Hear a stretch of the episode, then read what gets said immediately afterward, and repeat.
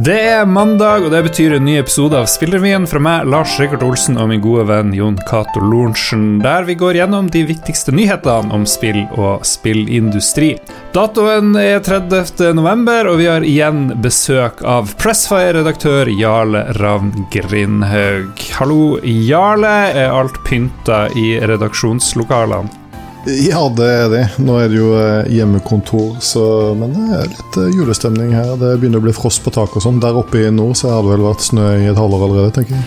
Ja, jeg har uh, akkurat mata reinsdyrene og, og så videre. Nei, det har regna hele helga. Det er skikkelig trasig. Rett på å snakke om været, da vet jeg det kleineste starten. Jeg har dere ikke mye å snakke om. PS5-lanseringa er Sonys største, forteller selskapet i en Twitter-melding. Sony sier at etterspørselen er større enn noensinne, og lover at flere maskiner kommer før nyttår. Det første jeg lurer på er hva betyr det største noensinne? Vet vi noe om salgstall der, f.eks.? Nei, uten at vi får noe tall, så får vi jo aldri vite det, eh, hva det faktisk betyr.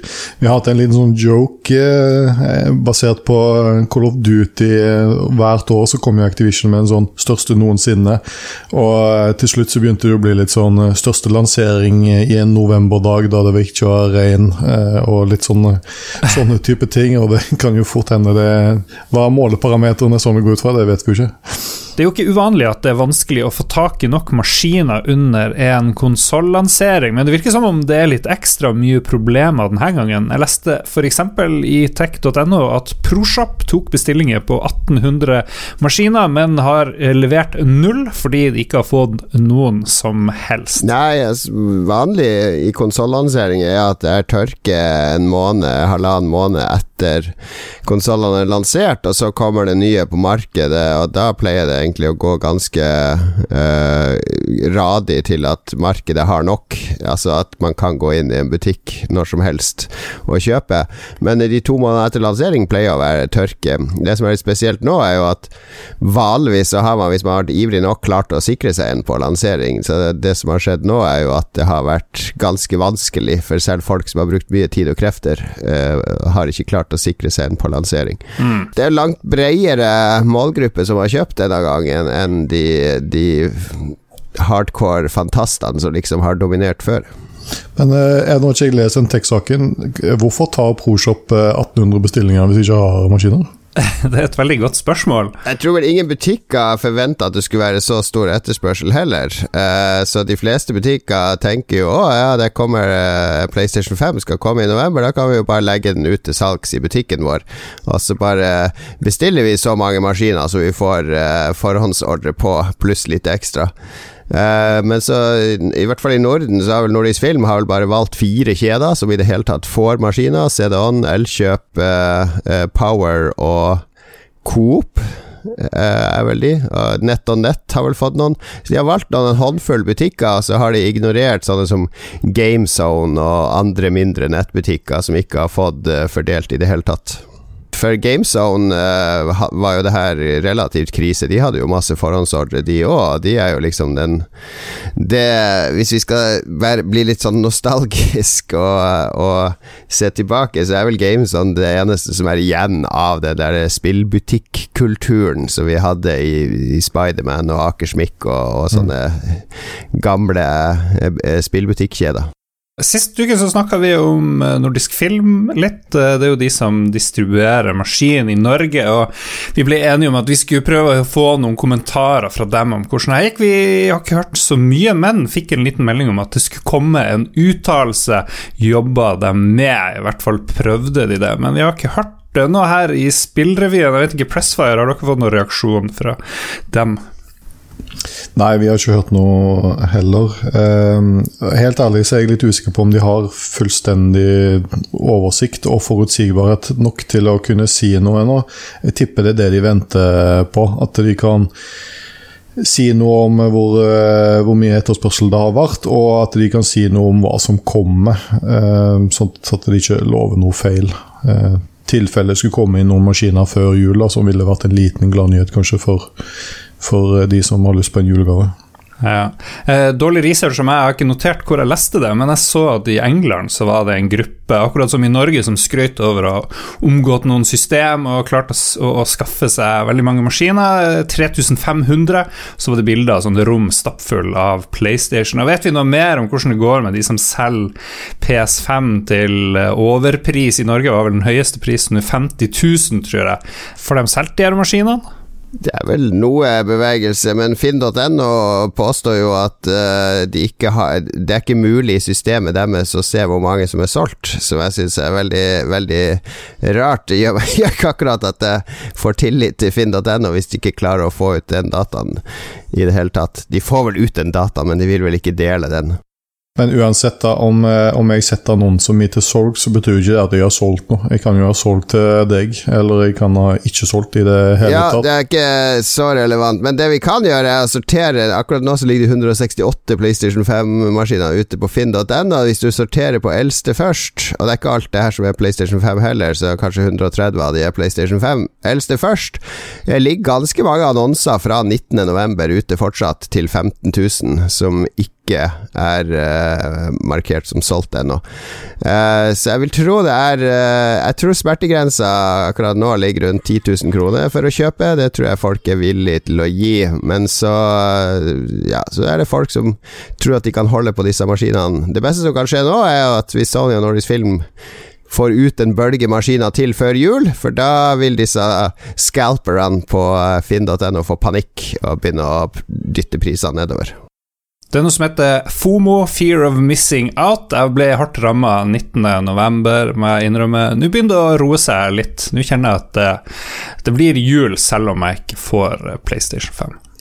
Ja, nå føler jeg Nå jeg, jeg følger alle PlayStation 5-influenserne, så nå har jeg fått min PlayStation 5-dose, så jeg har null behov for den maskinen. Kanskje om et år eller to, når det kommer, uh, kommer noe nytt som jeg ikke har spilt før. Demon Souls har jeg jo runda for mange år siden. Enn at du uh, endelig fikk nok av influencers, det hadde jeg aldri trodd. jeg vet, jeg kjenner deg, Jon Cato. Det kommer aldri til å gå to år før du får deg PlayStation 5. Det, du liker å ha det siste av det nye. Vi får se.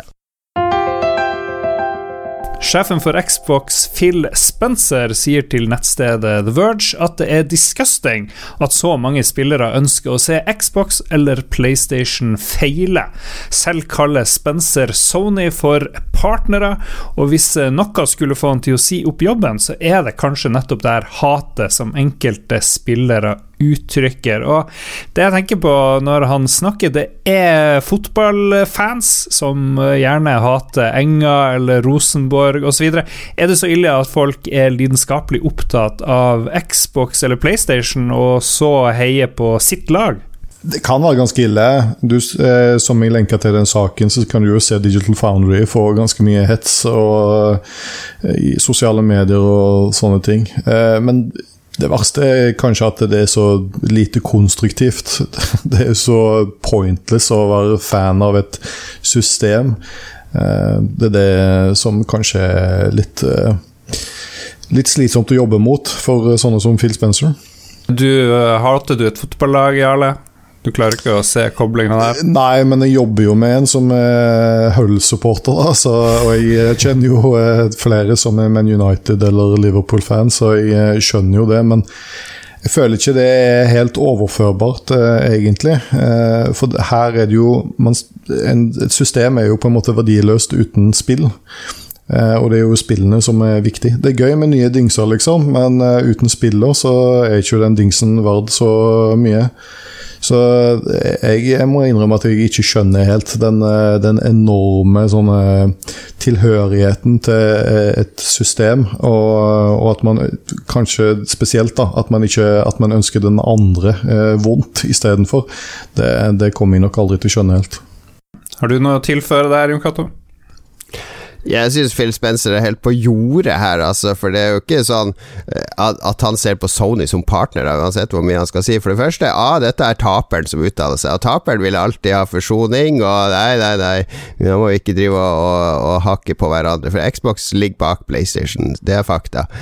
Og for det andre så er det ikke sånn at Xbox i sine avtaler og eksklusivitetsavtaler er så rause at de sier bare gjerne slippe dette på PlayStation samtidig, og det gjør også ingenting.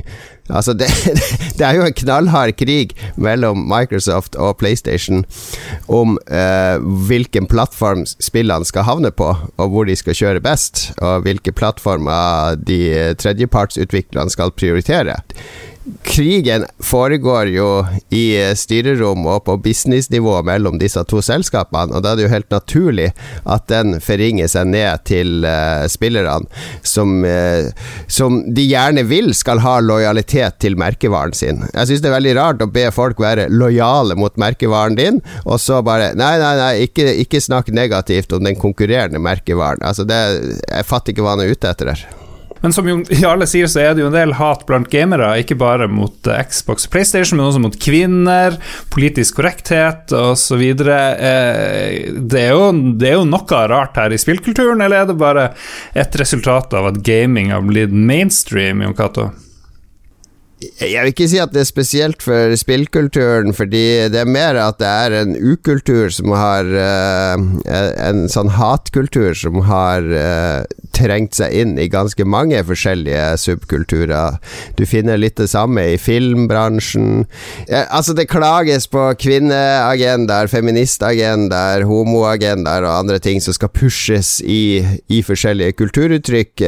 Uh, så at det er mer en sånn derre Det er en sånn derre kjip mannekultur som penetrerer mye av dette. Og det er jo Spill har jo vært mannsdominert, så det, de blomstrer vel litt naturlig der. ok. Jarle, uh, Jon Cato sier Phil Spencer er helt på jordet, er du enig der? Jeg tror eh, Jon Cato sliter litt med skillet mellom business og, og det som har spredd seg litt ned på grasrota. Det er jo eh, Selvfølgelig pågår det en, eh, en, konkurranse mellom Microsoft og Sony, selv om Film Spencer prøver å late som om det kanskje ikke er det. Men eh, det går jo an å oppføre seg som folk for det, mener jeg da. Og for, hvis du skal ha folk til å oppføre seg, så må du eliminere sosiale medier. For dette er jo ikke noe som skyldes at folk er fans av Xbox eller PlayStation. Det skyldes jo bare at det er ingen terskel for hvor dust du kan oppføre deg på internett. Du kan skrive hva som helst på Twitter. Har du mer enn 10 000 followers, så blir det en som kaller deg for idiot, uansett hva du skriver, eh, og så ber deg brenne deg i helvete. Og det her er et generelt samfunnsproblem, og ikke et spillbransjeproblem. Nå har jo denne typen fanboyism på konsoller eksistert før, da. Det er jo ikke noe som kommer med sosiale medier.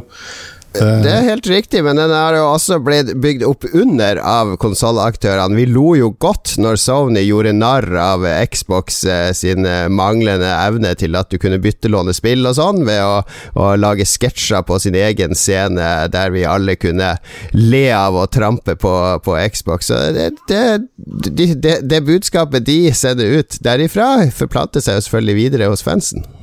Hvor mye hat og eh, drit ser du i debatt. Ja, det er det. Hvor mye drit ser du i kommentarfeltene dine på Pressfire? Jarle? Ikke så mye drit, kanskje, men det er jo åpenbart noen som eh, hva skal man si, er mer overbevist eh, rundt en, et system enn et annet. Og noen ganger går veldig langt i å forsvare sin egen leir. Eh, når den blir kritisert for den andre. Eh, og noen ganger inn i det pinlige, eh, hvor det rulles med øyne og litt sånne ting. Men aldri sånn som man ser noen ganger i utlandet, f.eks. rundt Digital Foundry akkurat nå. Det kommer jo av at man er redd for å kjøpe feil. De aller fleste må jo velge mellom Xbox og PlayStation, og når det er snakk om en investering på 5000 kroner det er jo ikke en kjempestor investering med tanke på hva mobiltelefoner og annen elektronikk koster i dag, men det er likevel en investering i et økosystem, og da ønsker du å ha gjort den riktige investeringa. Uh, og så blir det om å gjøre å overbevise deg sjøl, først og fremst om at du har gjort det riktig nettopp ved å rakke ned på motstandere og si at nei, det er PlayStation-greia, det er bare tull, eh, ingen av de spillene er morsomme. I helga så var det ikke én, men to veldedighetsstreamer med norske gamere i hovedrollene. Komplett hadde bl.a. med seg spillproffer som Emil Nyrox Pedersen og Emilie Emsia Helgesen, og de samla inn over to millioner kroner til Barnekreftforeninga. Også podkasten som vi samarbeider med, Radcrew, har samla inn penger. Nå hadde de sin tredje veldedighetsstream på lørdag. Vi snakka med Radcrew-sjef Jostein Hakestad. Ja, eh, så vi i Radcrew vi har hatt eh, tre av disse her veldedighetsstreamene nå. Den ene var i samarbeid med, med Lolbua, da, for så vidt med Philip eh, fra Lolbua. Eh, men den, den som vi hadde nå i helga, det var til inntekt for eh, for uh, Leger uten grenser. Uh, og så hadde vi en for FRI, og så hadde vi en for, uh, for, eh, for Amnesty International Norge. Eh, og de tre til sammen har vel Det er vel oppe i 100 000 som vi har samla inn til sammen på de Mm. tre. Um, jeg har jo sett at, eh, at, eh, at folk i gaming-community har mye givervilje og giverglede, da. Og det, men jeg, liksom, jeg klarer ikke å forestille meg at, eh, at når vi som er en liten podkast skal, skal gjøre et stunt som det der, at det, at det skal gå så bra. Men det har jo gått strålende. Og det gikk kjempebra nå i helga òg. Og Legger uten grenser er noe som noen som er enda viktigere enn noensinne, kanskje, med, med den pandemien som har pågått. For de har jo fokusert veldig med å jobbe i utsatte områder med å hjelpe folk eh, eh, med hensyn til covid og, og, og sånne ting. Jeg så at Komplett brukte Splace, og det er jo dere òg, men her har jeg rett hvis jeg tror at det var Radcrew som, som først tok kontakt med de, og at de fikk et system for denne typen aksjoner på, gjennom Twitch? Det stemmer. Det var i fjor jeg kontakta Splace eh, for å spørre om, det, om, de, om de hadde noen form for integrasjon mot eh, Streamlabs eller lignende, og så sa de nei, men det kan vi fikse. Så, og så fiksa de det på et par uker, og så var vi første til å bruke det. Så vidt jeg vet, så var vi første til å ta det i bruk. Mm. Og de var veldig behjelpelige med å, eh, ta, med å liksom, ha, ha dialog med oss og sånn. Du har Games Done Quick, og du har uh, Humble Bundles uh, opp og ned, og så har du de her nye eksemplene fra i helga. Uh, skal vi klappe oss på ryggen og tro at vi er bedre enn andre, eller hvordan det? Nei, vi, vi trenger ikke å tenke at vi er bedre enn andre, men jeg tror det er veldig Folk liker å hjelpe, og det, og det er enda gøyere når du er en hel masse folk som gjør det sammen. Så Vi snakkes jo av og til om at det, at det er mye sånn toxic greier og sånn i fan, fankulturen, men jeg tror Mm. det er vel, vel så mye i andre retningen. Og det ser vi med disse her innsamlingene over hele verden, at det er voldsom eh, en, kan være en voldsom positiv kraft.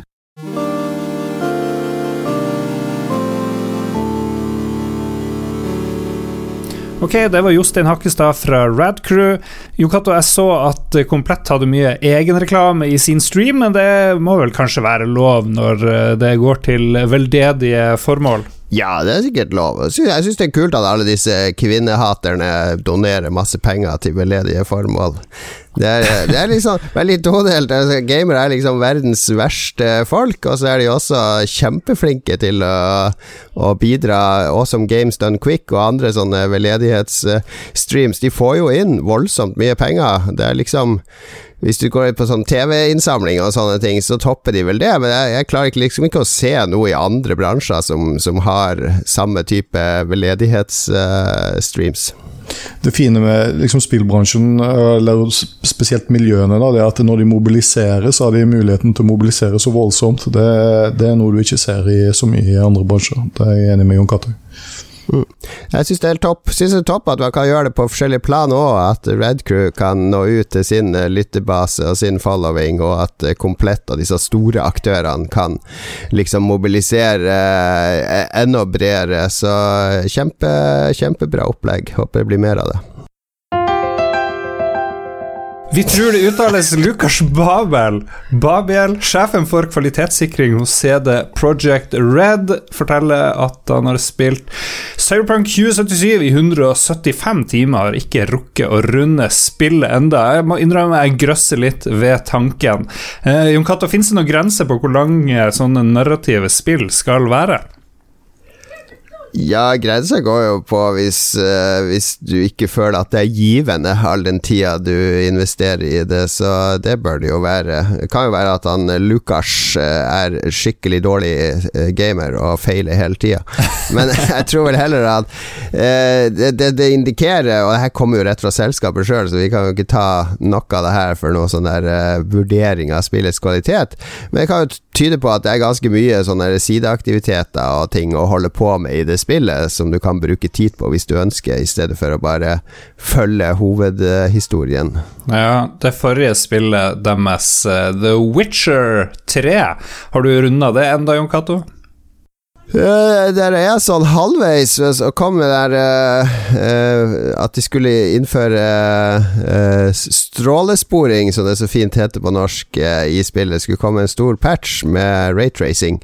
Så jeg har liksom hatt, satt det litt på hold til den patchen kommer, for det har jeg lyst til å oppleve. Jarle, hvordan er du på kjempe, kjempelange spill? Det, her, Witcher 3 er jo et godt eksempel på et spill jeg mener hadde hatt godt av å bli kutta ned. Da. der er det padda ganske godt med innholdet som er bortimot verdiløst for meg. Eh, disse vognene som står overalt og alt disse greiene her, kunne godt vært kutta fra det spillet. Alt det beste innholdet i det der annet i Witcher 3 er jo bite-sized eh, historier midt inni. Og jeg, jeg, er også midt i det spillet, eh, og jeg tror det hadde hatt veldig godt av å trimme ned litt. Så jeg blir litt bekymra når jeg leser sånne ting som Cyberpunk, at det er så, så jævlig mm. langt. Eh, for meg så er ikke det noe målestokk. Men samtidig, Jarle, hva, hva faen ellers skal folk bruke tid på nå under pandemien? Er ikke det vi trenger akkurat nå, en alternativ dystopi vi kan rømme til i 175 timer for å tenke på noe annet enn lockdown og uh, Alt er jo stengt. Det er jo perfekt. Ja da, for all del, men det skal jo være underholdende også. Hvis det ikke er det, så er det ikke noe poeng. Eh, og det finnes jo flere nettspill. Ja, Kommer vi til å runde det? Jeg tipper nei. Har ikke runda Witcher 3. Og det, problemet er jo at det kommer nye spill hele tida, men det kan jo ha litt med at uh, alle vi tre får jo ofte gjerne spillene kasta i fanget uh, på oss. Jeg gir, det 7 sjanse for at jeg runder det. Hva dere tror det? Nei, litt det samme. Eh, jeg sliter også med denne problemet med at de ikke gir ut en next gen-versjon nå, så jeg har allerede bestemt meg for å vente litt for å se hva som skjer med den versjonen som kommer til Xbox Series X og, eh, og PS5. Eh, Jon Cato venter vel kanskje for å se hva som skjer med raytracing og PC-versjonen. Jeg vet ikke, du Raytracing tror jeg er med fra dag én på PC-versjonen, men jeg skal anmelde spillet for et større norsk medie, så jeg har forhåpentligvis runda det allerede før neste episode.